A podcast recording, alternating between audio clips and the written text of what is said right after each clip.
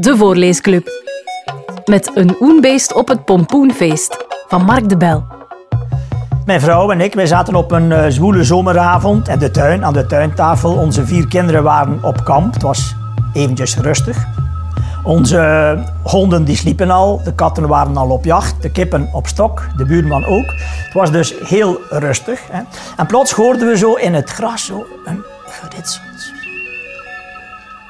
Hé, wat is dat? Plots wipten er zo twee ongeveer zo grote, garige wezentjes op de tuintafel. Haboe! En ik dacht, oei, wat is dat? En die stelden zich voor als, ik ben Piepel, ik ben Souza, wij zijn de boeboeks. En die begonnen te vertellen, te vertellen. En mijn vrouw en ik zaten met open mond ademloos te luisteren naar wat Piepel en Souza ons er allemaal vertelden. En ik dacht, wauw. En toen vroegen ze, op het eind, net voor ze terug vertrokken, of ik die verhaaltjes die zij aan ons vertelden, of ik die zou willen opschrijven en daar ook tekeningen bij maken. Elk jaar vieren de boeboeks verschillende feesten. Het Joelfeest, het Pompoenfeest, het Lentefeest, de grote herfstenpluk.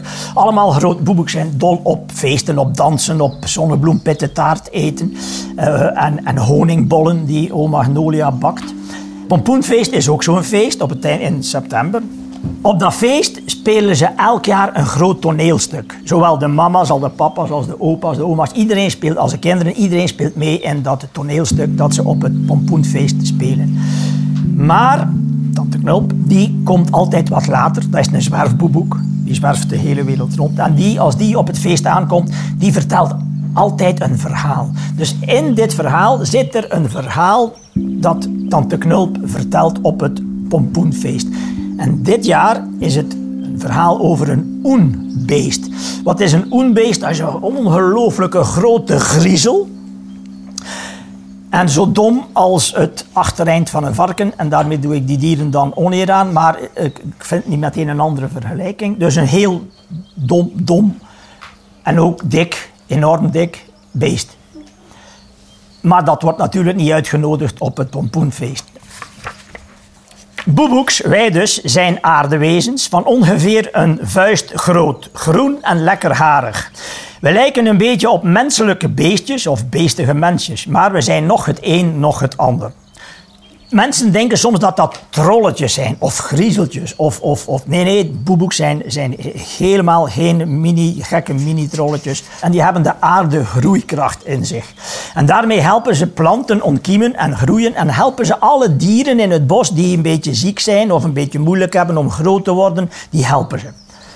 Ze doen dat met genezende stinkswammen als er iemand ziek is, of kruidentheetjes van O Magnolia en heel veel liefde en warme knuffels. En dan voelen ze zich snel weer heel wat beter. Boeboeks worden altijd per twee geboren en zijn bij de geboorte grasgroen en één konijnenkeutel groot, dus 1 centimeter groot. Daarom noemen wij kleine boeboeks geen kleuters, maar keutels. Wij groeien elk jaar één keutel tot ons elfde, twaalfde. Dan stoppen we met groeien. Boeboeks van acht, zoals Puff en ik, zijn dus acht keutels groot. Piepel en Sousa zijn wat ouder en zo verder. Oude boeboeks krimpen dan weer een beetje. En boeboeks worden wel veel ouder dan mensen. Bijna meer zelfs dan dubbel zo oud. 200 jaar oud.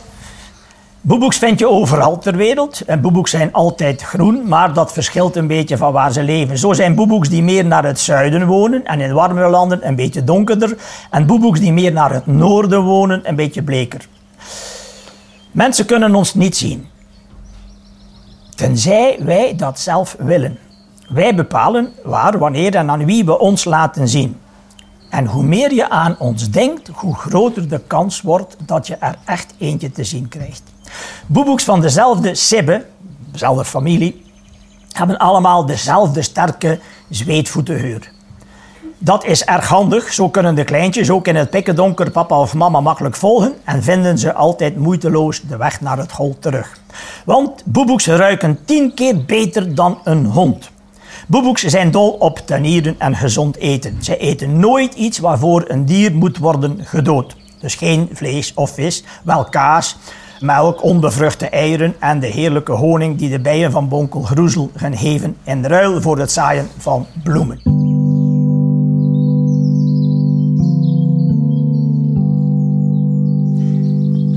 De ik-personage is Pit. Pit is het meisje, Puff is een jongen. Ik trek mijn ogen open en rek me uit. Dat is dus Pit die dat zegt. De laatste restjes van mijn heerlijke droom, waarin ik luidkeels door de inwoners van Kasterland word bejubeld en door koning Richard tot ridder Robin wordt geslagen, verdampen één voor één in mijn hoofd. Het is erg stil in het hol. Ook in de woonkamer. Papa en mama zijn vast al in de tuin aan het werken. Puff ligt nog zalig te snurken in zijn slaapslof. Het jampotdeksschild, de vingerhoedgelm en de houten takkenzwaard van Puff liggen bovenop zijn bed. Wardus is de beste zwaardvechter van Kasterland en de beste vriend van Robin Hood. Samen met broeder Tuk, die wordt gespeeld in het toneelstuk door Bonkel Groezel en Cyrus en San Eekhoorn strijden zij tegen koning Jan.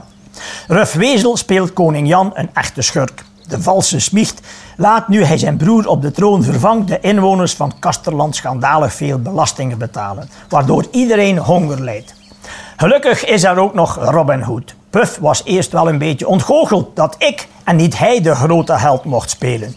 Maar ik ben veruit de beste boogschutter of schutster van het Biezenbos. Dus kreeg ik de rol van de scherpschutter. Ook al ben ik een meisje en is Robin Hood een man. Maar dat maakt niet uit, zegt oom Pompel, die alles in goede banen leidt en het stuk ook heeft geschreven. Naar een oud mensenboek dat hij in het recyclagepark heeft gevonden. In een toneelstuk kan dat allemaal. Zo speelt ook Tante Moes aan het einde van het stuk de rol van de teruggekeerde koning Richard. Wat wel even wennen was, want Tante Moes heeft nogal grote borsten waar je moeilijk naast kunt kijken. Nou, die koning Richard was inderdaad duidelijk een rondborstige vorst, merkt nonkel Groezel op. Daar moest de moeder van Woel en Wommel heel erg om lachen. Dus als je een toneelstuk speelt, dan speel je iemand anders. Dan doe je alsof dat je die persoon bent. De moeder van Woel en Wommel speelt de, de, de, de, mama, de arme weesjes. En zij doen dat fantastisch en kijken altijd onschattig triest wanneer Pier de Pat hun laatste hazelnoten komt ophalen. Zoals in het verhaal van Robin Hood. Nu, de, de repetities beginnen, dat lukt allemaal goed en het, uh, het wordt spannend. Het pompoenfeest nadert stilaan uh, zijn hoogtepunt en dan moet er dus voor echt worden gespeeld. Maar, zoals ik daarnet heb gezegd, Tante Knulp die komt altijd wat later op het feest. En ik spring nu een heel eind verder, midden in het feest. En Tante Knulp is net aangekomen. En zoals altijd gaat ook zij op het pompoenfeest een verhaal vertellen. Zo neemt oom Pompel na dit spetterende optreden weer het woord. Dit was het laatste op. Toch niet, roep ik. Tante Knulp heeft beloofd om hier ook een verhaal te vertellen. Oom Pompel kijkt verbaasd op en werpt een vragende blik naar zijn zus. Ja, ja, dat klopt, knikt de zwerfster. Er stijgt een blij verrast gemompel op terwijl tante naar het podium loopt.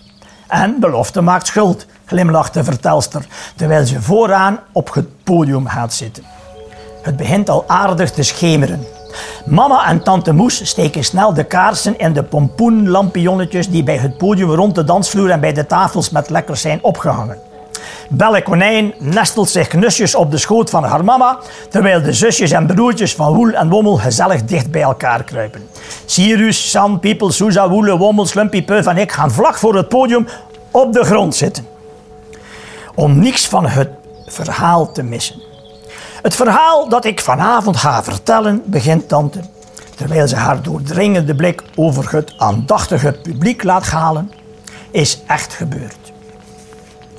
Zoals alle verhalen over Petiluti, het takkenwijf, Wiesel en andere griezellige monsters, fluister ik Puff in het oor. Hij glimlacht verkneukeld en knipoogt me samenzweerderig toe. Het verhaal dat ik ga vertellen overkwam mij toen ik een tijdje geleden een goede vriend ging bezoeken. Die woont aan de overkant van de grote rivier. Maar toen ik bij de brug kwam, bleek die brug ingestort. Ik moest dus een grote omweg maken. Tenzij. Tante zet grote ogen op. Het wordt nog stiller. Tenzij ik door het donkere onbeestenbos ging. Woel wil iets vragen, maar tante laat hem geen kans en gaat meteen verder. Het donkere Oenbeestenbos is een erg onvriendelijk en moeilijk doordringbaar bos. Boordevol meidoornstruiken, bramen, wilde rozen, brandnetels, distels, kleefkruid en andere stekelige planten. Ik verloor dan ook heel wat kostbare tijd en was verplicht om in het bos te blijven slapen. In de verte roept een steenuil. Er verschijnen intussen steeds meer sterren aan de donkere hemel, terwijl de open plek gezellig baat in het warme pompoenoranje licht dat de vele lampionnetjes verspreiden. Ik heb nog nooit in een donkerder bos geslapen dan het Oenbeestenbos, vervolgt tante. Gelukkig was het toen ook volle maan, anders had ik geen hand voor mijn ogen gezien. Belle Konijn hield wijd op de schoot van haar mama. Het was haar ook onwezenlijk stil, doodstil. Maar dan hoorde ik opeens wat takjes kraken en een steeds dichterbij komend geritsel in de struiken. Het steenuiltje in de verte roept weer. Tante staart met grote ogen iedereen nieuwsgierig aan. De spanning die opeens op de open plek hangt is duidelijk te voelen en in flinterdunne plakjes te snijden. Iedereen hangt nu aan de lippen van de vertelster, terwijl de uil in de verte tevergeest roept en tante op fluistertoon verder vertelt. Ik moest denken aan wat mijn goede vriend bij mijn vorige bezoek over het oenbeestenbos en de griezel die er wonen had verteld. Oenbeesten zijn ongeveer zo groot als een das hebben grote oranje kop als een rotte pompoen, vlijmscherpe tanden en twee enorme hoekslagtanden, grote donkere ogen en horens zo groot als pastinaken.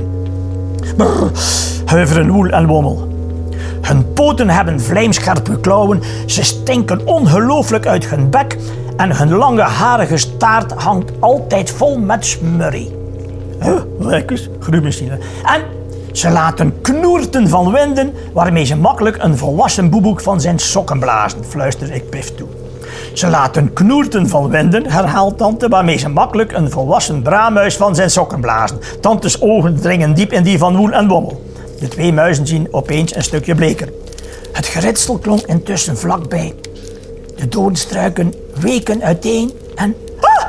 krijgt Slumpy wanneer het decordoek achter tante plotseling fel beweegt en de twee grote eikenhouten poorten van het kasteel dat daarop is geschilderd met een griezelig geluid wagenwijd openscheuren. Een oorverdovend, schril, paniekerig geschreeuw rijdt de rust en de stilte op de open plek uiteen, terwijl een spuug, lelijke, oranje, pompoengrote monsterkop met vlijm, scherpe grote tanden, twee enorme hoekslagtanden en horens zo groot als pastinaken zich door het gat in het decordoek wringt.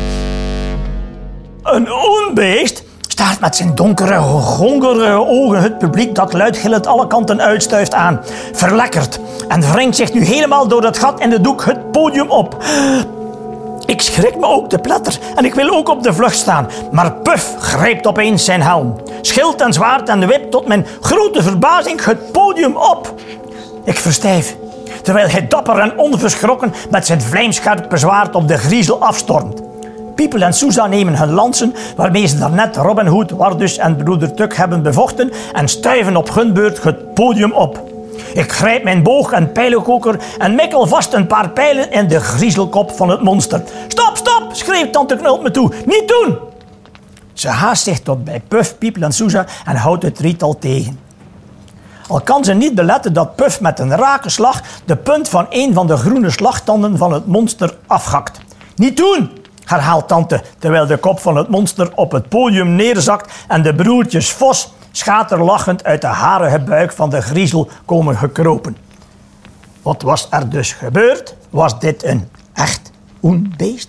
Nee. Nee. Het waren de broertjes Vos, die altijd, de drie broertjes, die altijd grappen uithalen en iedereen heel graag laten schrikken. Dan toch nog oef, geen echt oenbeest op het pompoenfeest. Je luisterde naar Een Oenbeest op het Pompoenfeest van Mark de Bel. Zin in nog een verhaal? Je vindt er nog veel in deze podcastreeks.